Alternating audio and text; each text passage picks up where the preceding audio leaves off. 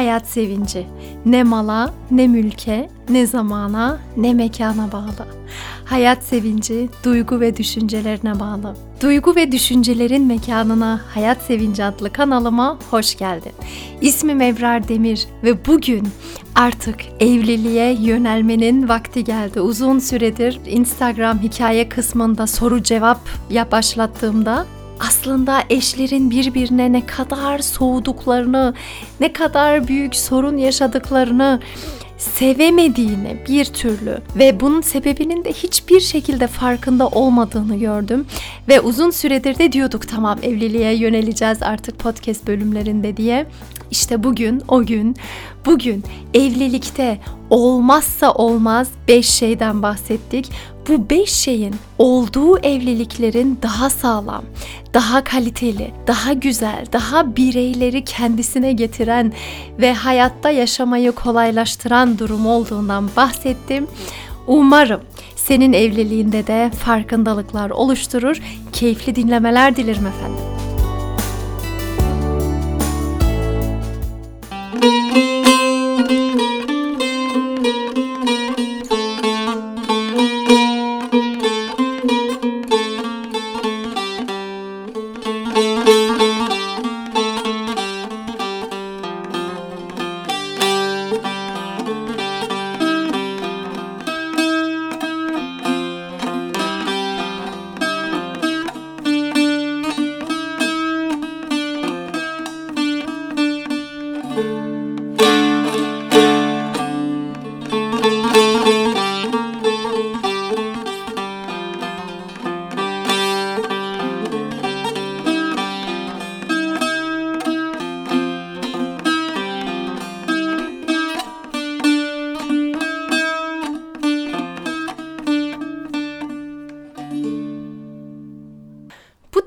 Daha önce bir podcast bölümünde konu edilmiş miydim bilmiyorum ama acayip güzel sözleri var bu türkünün. Aklımda kaldığı şekliyle şöyle. Seninle güleceğim, murada ereceğim, başka sevmeyeceğim, sana söz veriyorum. Söz namustur sevdiğim, Allah şahitim benim. Beşikten mezarlara kadar hep seni seveceğim. Sevdalılar gelecek, o gül yüzün hep gülecek. Bir yastık eskiyecek, sana söz veriyorum. Torunlar seveceksin, damatlar göreceksin, patikler öreceksin. Sana söz veriyorum. Belki biraz sıralarını değiştirmiş olabilirim. Sorun yok ama hemen hemen sözleri böyle.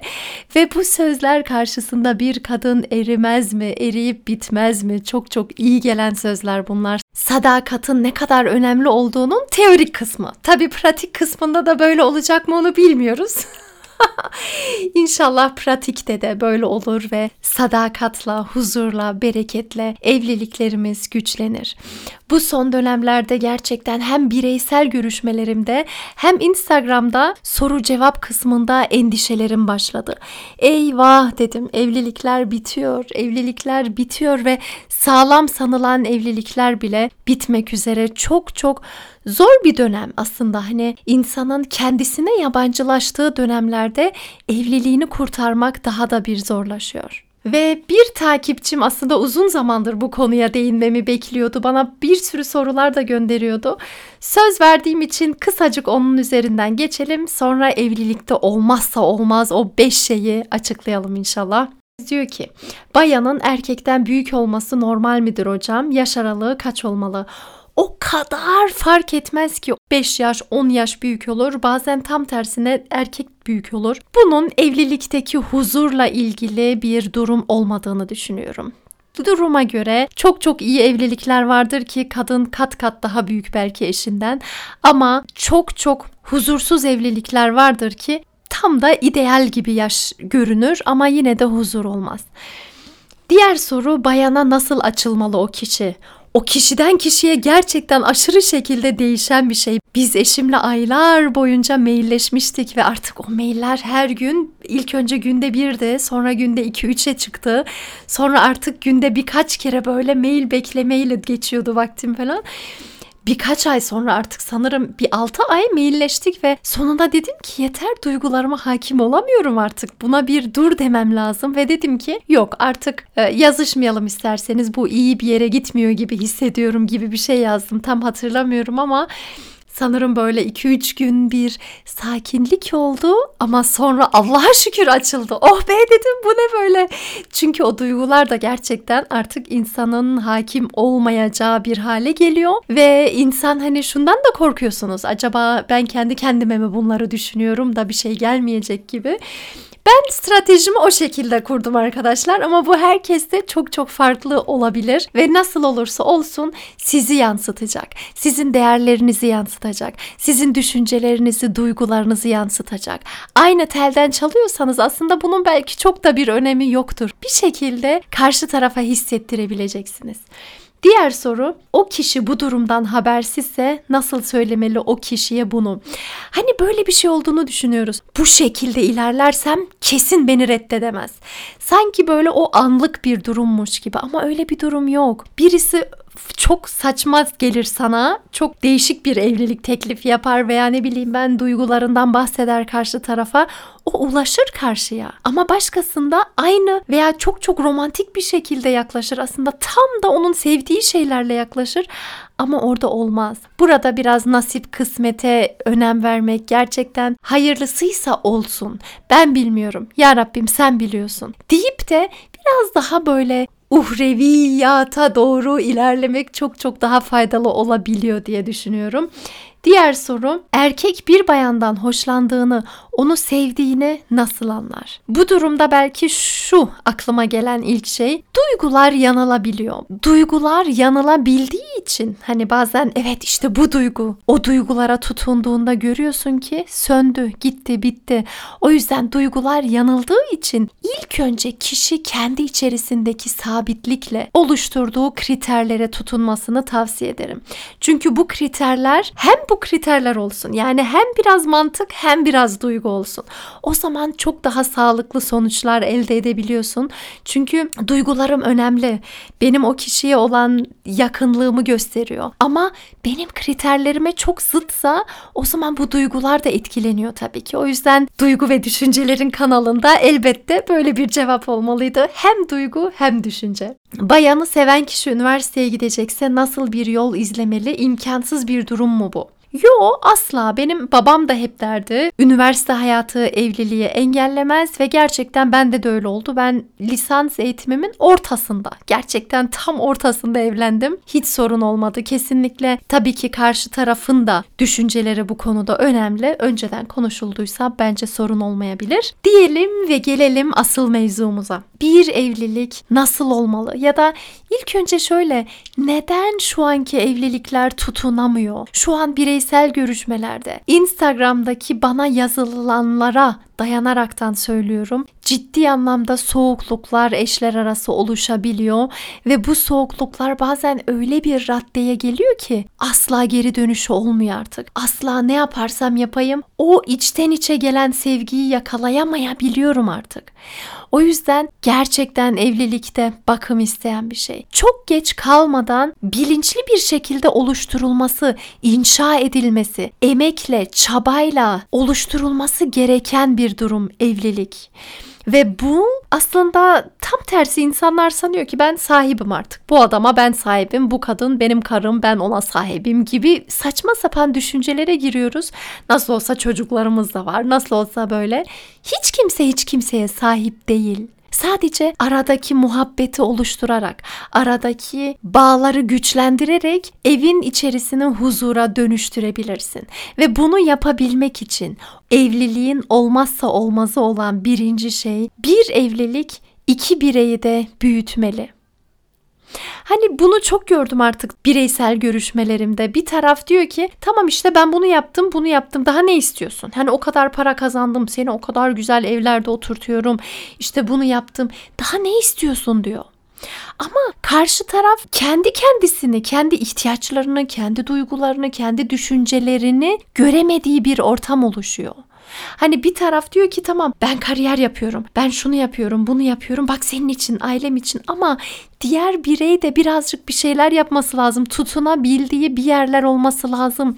Kendisini büyütmesi lazım ki bu hayata tutunabilsin insanlar görmesi lazım. Sosyal çevresinin kuvvetli olması lazım ki sağlıklı gelişebilsin. O yüzden evlilikte sanki bir taraf büyüyor, bir taraf ailenin yanında kalıyor tamam. Hayır, iki tarafta birbirini büyütmeli ve ilk önce iki tarafta kendi iç dünyasında kendi kendisini geliştirmeli ama aynı zamanda birbirlerini de büyütmeleri. O yüzden ben hep çay faslı diye bir muhabbetimiz var bizim aile danışmanlığı yaptığımda. Çay faslınız olsun.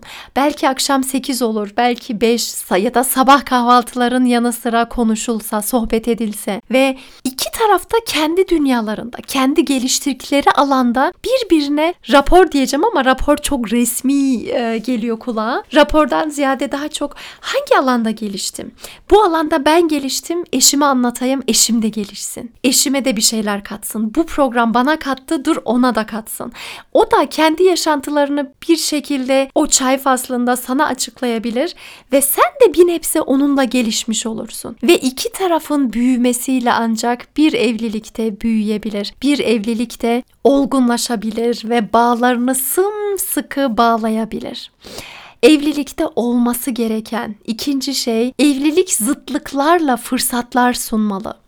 Mesela bireysel görüşmelerimde bunu çok duyuyorum. Biz çok zıttız. Onun dediklerinin hep tam zıttını ben söylüyorum. Benim dediklerimin zıttını da o söylüyor. Hep zıttık zaten. Bu şekilde devam ediyoruz hocam deniyor mesela. Ama evlilikte zaten zıtlıklar olmazsa olmaz. Yani evlilikte neticede eş ararken bile bende olmayan, değişik gelen şeyi görüyorum. Onu seviyorum, ona tutunuyorum aslında bilinç dışında bu senin çok hoşuna giden bir şey. Aa bu hayatı ben bilmiyordum. Hani evlendikten sonra da ya yok ya bu beni sıktı falan gibi düşünceler belki çok saçma geliyor kulağa. Ama bu zıtlıklar vardı zaten, var olacak da.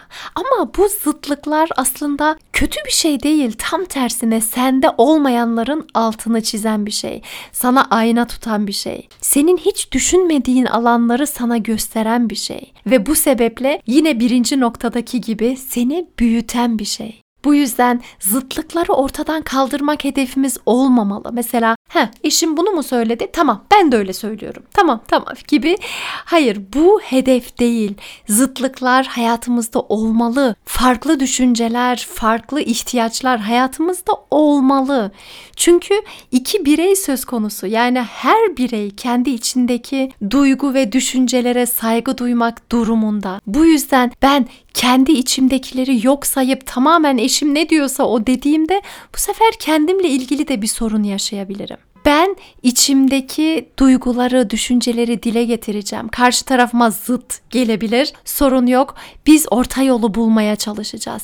Karşı tarafta kendi duygu ve düşüncelerini söylesin. Bana zıt gelebilir ama biz evliysek orta yolunu bulacağız ve orta yolu da bulmak için zaten geliyoruz üçüncü noktaya. Evlilik iletişimle var olabilir ancak ben duygu ve düşüncelerimi dile getirerek, karşı tarafımdaki duygu ve düşüncelerini dile getirerek, ortak bir yol bularak ve o gördüğümüz yollardan bir yolu birlikte seçerek ve bir şekilde bazen tartışarak, bazen gülerek, bazen heyecanlanarak, bazen kızarak ancak bu şekilde ilerleyebiliriz ve iletişimin bittiği bir ailede zaten kopukluk yaşanıyor. Mecbur başka bir yolu yok bunun. Çünkü iletişim olmayan bir evde duvarlar örülü oluyor. Kadının etrafında duvar, erkeğin etrafında duvar, o duvar gitgide uzuyor, uzuyor, uzuyor artık karşı taraftakini göremeyecek hale geliyor. Ve iletişim o kadar kopuk ki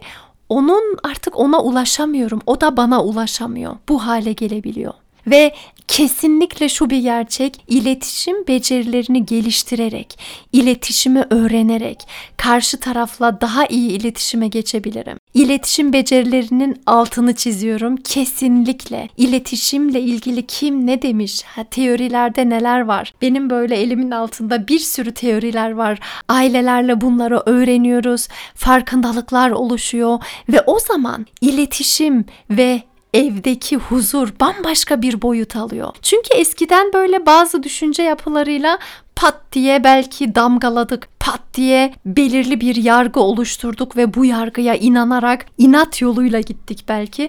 Bunları çözebilmek için de iletişim şart. Evlilikte olmazsa olmazın bir tanesi iletişim. Evlilikte olmazsa olmaz olan dördüncü şey evlilik iyi bir ekip halinde ilerlemeli. Evlilikte elbette bir ekip çalışması gibi. Neticede bir anne, bir baba ve çocuklar var. Artık kaç tane çocuk olursa olsun. Biz iyi bir ekibiz. İletişimimiz kuvvetli. Neler yapılacak? Haydi görevleri dağıtalım. Haydi bunun üstesinden gelelim. Birisi biraz daha iyi hissetmiyor mu? Haydi onu motive edelim. Haydi bugün buraya gidelim. Neler götürelim? Kim ne hazırlasın? Evlilikte ekip olmanın tadını veren hiçbir şey yok, başka bir şey yok. Hani bu iş hayatında da öyle. İyi bir ekibin varsa eğer acayip işler becerebiliyorsun. Tak tak tak ve herkes diyor ki nasıl becerdiniz bunları falan. O uyumdan dolayı, birbiriyle iletişim halinde olduklarından, ekip olarak çalışmak istediklerinden dolayı, o tıkırında yürüme olayı oradan zaten ilerliyor. Hep şu misal aklıma geliyor. Hani Michael Schumacher'a soruyorlar diyorlar ki Başarınız nedir acaba? Nasıl başarıyorsunuz kaçıncı kez dünya şampiyonu olmayı? Ve onun verdiği cevap şu. Biz ekip olarak iyi çalışıyoruz. Sırrımız bu. Herkes kendi işini en iyi şekilde yapıyor. Bu yüzden çok hızlı ilerleyebiliyoruz. Ve şüphesiz gerçekten de bu bir gerçek. Ekip olarak ne kadar iyi çalışabiliyorsak, bireysel sıkıntılarımı dile getirebiliyorsam, onların sıkıntılarını da anlayabiliyorsam, anlamaya çalışma durumları varsa ve herkes bir işin ucundan tutabiliyorsa bu çok güzel bir durumdur e, ailenin içerisinde. Tabii ki her zaman böyle olacak diye bir şey yok. Ara ara farklı durumlar da çıkabilir. Ama ulaşmak istediğimiz durum gerçekten ekip olarak birbirimize iyi bakmak, birbirimizle var olabilmek. Evlilikte olmazsa olmaz olan beşinci şeyde evlilik biricik olmalı ve zaten biricik de bu son bireysel görüşmelerimde çok sık duydum. Hocam işte hep sürekli eşim diyor kendisini kıyaslıyor diğer ailelerle. Ama bak o ailede bunu yapıyorlar. Bak sen bana bunu yapmıyorsun gibi. Ve sürekli insan bunu yapmaya gerçekten meyilli. Özellikle bu sosyal medya mecrasında görüyoruz ki işte tatile gitmiş, bunu böyle yapmış, bunu böyle yapmış, buraya gitmiş ve bu insana bazen şunu dedirtiyor. Hmm, bak onlar neler neler yapmış biz hala yapmıyoruz ki. Niye acaba gibi karşı tarafı suçlamak için bunu kullanabiliyor insan bazen ve bu hiç hoş olmayan bir şey. Çünkü iki tane bambaşka şeyi kıyaslıyorsun. Onun yolu bambaşka.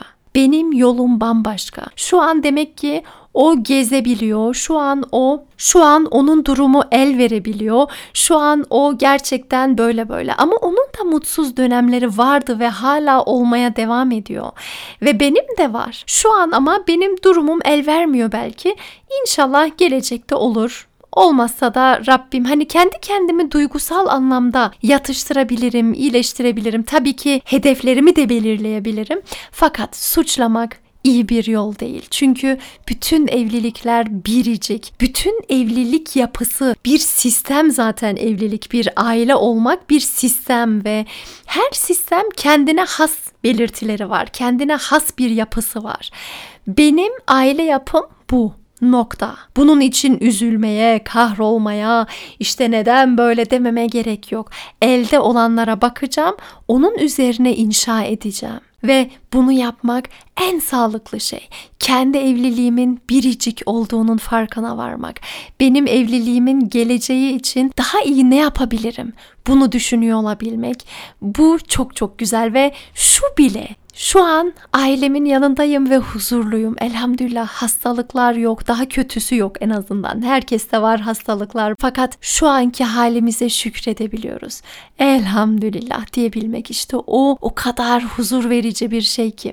Ve evlilikte karı koca birbirlerini büyütebiliyorsa, birbirlerini geliştirebiliyorsa, ikincisi zıtlıklarla fırsatları görebiliyorlarsa ve zıtlıklara karşı savaşmak yerine bunları bir fırsat olarak değerlendirebiliyorsa evlilikte iletişim becerileri gelişiyorsa ve iletişim çok iyi bir şekilde gelişebiliyorsa, dördüncüsü evlilik iyi bir ekip haline gelebildiyse ve beşincisi biricik olunduğunun farkına varıldıysa işte o zaman bu evlilik güzel bir evlilik.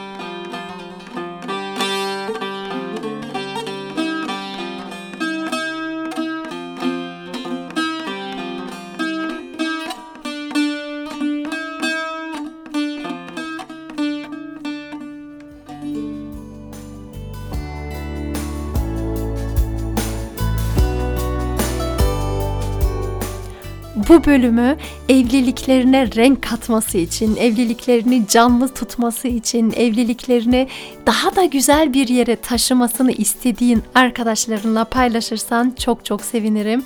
Desteklerin için teşekkür ediyorum. Dinlediğin için teşekkür ediyorum. Kendine çok iyi bak. Sevgilerimle Ebrar Demir.